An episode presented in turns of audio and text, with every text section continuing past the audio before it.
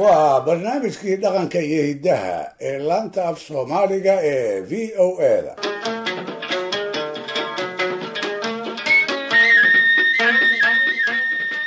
dhegaystayaal qoraaga dunida ilbaxday ku nooli marka uu doono inuu wax ka qoro waayihii haldoor ka mid ah kuwii qarniyadii hore dalkiisa ka hana qaaday.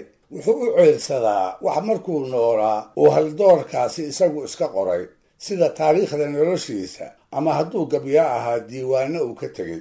Wuxuu kaloo qoraaga dunida ilbaxday la tashadaa markuu noolaa ama isla markuu iishayba dadkii haldoorkaas ay isku xilliga ahaayeen wax ay ka qoreen. Markaas buu soo ifbixiyaa qoraallo lagu kalsoonaan karo qoraallo meel loo yeeli karo cuskanna taariikhda dhabta ah warar aan weydaarsanayn arrintaasi qorayaasha soomaalida suuragal uma aha. Hogaamiyeyaashii tolalka soo maamulay wax quman kama naqaan. Maantana mala mooye cidina iyada oo hubta ma sheegi karto. Maansayahanadii magaca weyn lahaa goor ay dhasheen iyo goor ay dhinteen toona. Sidoo kale magacoodiina allaha ka dhige wax roon kama ogin.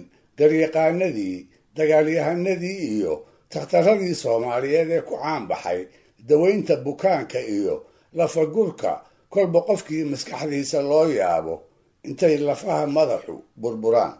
Intaas oo idilna waxa eedeeda iska leh iyada oo aan lagu dambaabayna wax laga saari karaa farla-aantii uu afkeennu ku raagay. Allaha u naxariistay sayid maxamed cabdilla xasan oo sokeeye iyo shisheeyaba loo aqoonsan yahay aabbaha wadaniyadda casriga ah ee soomaaliyeed iyo duqa maansadeedu wuxuu mootan yahay wax aan boqol sano dhammayn boqol sanana wax fog ma aha marka taariikhda ummadaha loo eego. Sidaasoo ay tahayna weli waxaan meel la isla dhigin goortii uu gabayga bilaabay iyo tixdii ugu horreysay ee laga maqlay tii ay ahayd. Waagii dabaqabashada taariikhda ummadda iyo suugaanteeda loo heelanaa ayaannu wax badan su'aalahaas ka togeennay daraawiishtii aanu nolosha ku soo gaarnay ha yeeshee nagama ay siin jawaabo ay hubaan madaxana loo ruuxi karo odaygii ugu dhiiranaa wuxuu ahaa kii ku adkaystay. In gabay uu wadaadku tiriyo kii ugu horreeye uu ahaa allaa xoog leh diin baa xarbi leh tegis xajkiibaa leh gob baa xidid leh xoor baa dhanya leh dhaqasho xiitaa leh xasad iyo xumaan laysku dilo xiisad beled baa leh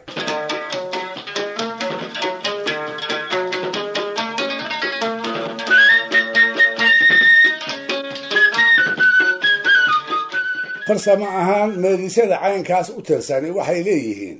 Astaamo laba ah oo iyaga u gaara kuwaasoo ay kaga duwan yihiin meedisyada gabayada kale ee caadiga ah.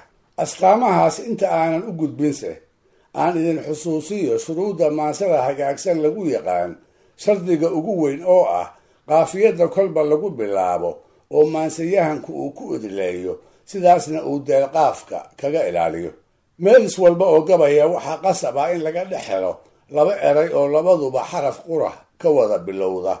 Halka jaadadka kale ee maansada laga rabo hal eray oo xaraf keliya ka bilowda. Laakiinse saddexdii meelis ee sayidka lagu sheegay iyagu xeerkaas waa weydaarsan yihiin. Inkastoo qaybta gabayga ee maansada soomaalida ay qudhoodu ka tirsan yihiin. Marka hore alaaba gabyaaga habkan wax u tiriyaa wuxuu meeriska u qaybiyaa saddex dhudood oo mid waliba uu ka bilowdo xarafka uu gabaygiisu ku qaafiyadaysan yahay. Halka sidaan soo sheegay gabayada caadiga looga baahan yahay oo keliya laba eray oo isku xaraf ka bilowda meelo cayimanna meeriska ka kala gala. Waxay u badan tahay saddexdaas dhudood ee meeriska noocaanihi uu ka kooban yahay in ku walba ujeedo gaara loo xambaariyo sidaasna uu macno ahaan kaga madax bannaanaado qaybaha kale ee ay meeriska ku wada jiraan. Marka labaadna wuxuu gabayga noocaanihi kuwa caadigaa kaga duwan yahay dabeecadda dhammaadka meeriskiisa guud ahaan mar dhif a mooyee meerisyada gabaygu waxay ku idlaadaan shaqallada gaagaaban ee shanta ah midkood iyo xarfaha ya-da iyo wa-da oo iyagana afyaqaanadu ay shaqalka warqab ku tilmaamaan. Kuwan aan hadal haynaase waxay ku wada dhammaadaan ereyga leh oo shibanaha aynu ha-da u naqaani uu ugu dambeeyo. Labadaas shardi ee uu dusha u rita dartood waxaa muuqata maansayahanka habkan wax u tiriyaa inuu doortay hab loo gabyo oo adag. Hal abuurada u bareeraana ay aad u tiro yar yihiin. Mararka qaarkood waxaadba moodaa in maansayahanka sidaas u gabyaa uu dhoolatus ula jeedo. Dhoolatus uu ku muujinayo af aqoontiisa iyo awoodda inta ay isku meherada yihiin uu dheer yahay. Sidaa darteed layaa ma lahaa tixaha qaabkaas loo tiriyaay inay tiro ahaan ku yar yihiin maansada raggii hore naga soo gaadhay.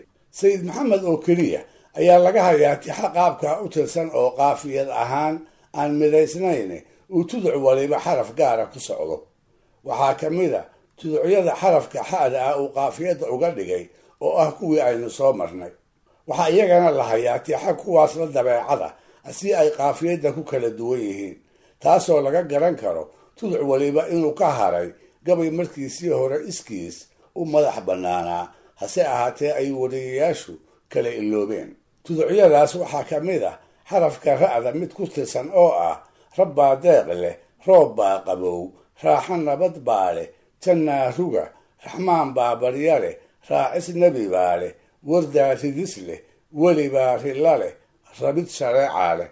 Iyo xarafka xaad ah labada tuduc oo ku qaafiyadaysan midkoodna aan idiin hormariyey. Kii ahaa allaa xoog leh diin baa xarbi leh tegis xajkiibaa leh gob baa xidid leh xoor baa dhanya leh dhaqasho xiitaa leh xasad iyo xumaan la ysku dilo xiisad beled baa leh. Aqal xeerar weyn xaal gobaad xilasho gaaraa leh xurmo iyo wanaag loo xisho iyo xidid galbeed baa leh. Waxaan kaa xishoon iyo ximaar xeewal bari baa leh. Iyo tuduc isagana uu xarafka ja'da ah ka qaaday oo ahaa jannaa udug leh jiic baa godgodan jahanamaa qiiq leh jigraa ridis leh xoolaha jigjiga jooga anigaa leh wuxuu soo jibaadaba libaax jees miraa mici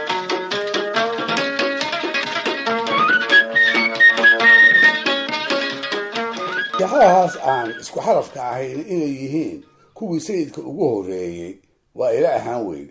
Maxaa yeelay igala adag wax ruux gabay baraqihii uu maase ku bilaabi karo. Qaar kale oo ka mid ah odayadii taariikhda sayidka iyo maansadiisa laga waraysan jiray waxay ku warrameen kun iyo sagaal boqol iyo afartii ka hor inaan sayidku gabyi jirin. Sanadkaas oo ahaa kii ay dhacday goobtii jidbaale ee daraawiishi sida xun ugu jabtay. Sida loo badan yahayna waa sanadkaas marka uu tirinayo gabayga calaacalka iyo xog waranka isugu jira ee soomaali oo idil wada gaaray. Kaasoo haddii maansada soomaalida aanu ku jireen ay wax weyni ka maqnaan lahaayeen. Waa jiinley sannadkii uu tiriyey. Mar labaad taasi iyaduna waa igeli weyday maxaa yeelay jiinley waa igala culus tahay. Qof markaas maanse bilaabayaa gabay uu isku duwi karo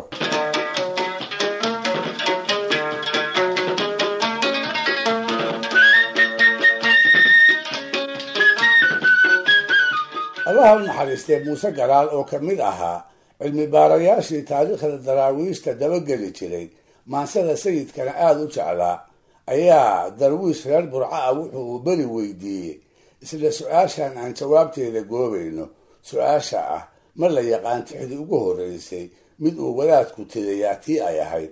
Darwiishkaas oo maxamuud jaamac magaciisu ahaa maxamuud daalina lagu naanaysi jiray ayaa muuse ugu jawaabay waxaan maqli jiray isaga oo diinta mooye aan sayidku markaas ka hor wax gabay ah lagu aqoon. Ayaa maalin maalmaha ka mida waxaa lagu yidhi sheekh maxamedow weligaa ina wax gabay ah ma isku dayday. Markaas buu mariyey masafo saddex tuduc ka kooban oo ahayd waxa aradka laga sheego dhagahow aqdaamo ah. Isha waxaan ka qaadana anigow ilaalo ah arrin iyo wixii ii egna uurkaygaan ku haystaa anigana taas ayaa ila ah wax la rumaysan karo. Dhegaystayaal barnaamijkii dhaqanka iyo hidduhu maanta halkaa ha inoo joogo waa inoo toddobaadka soo aadan iyo ku la mid ah hadduu eebbaydmo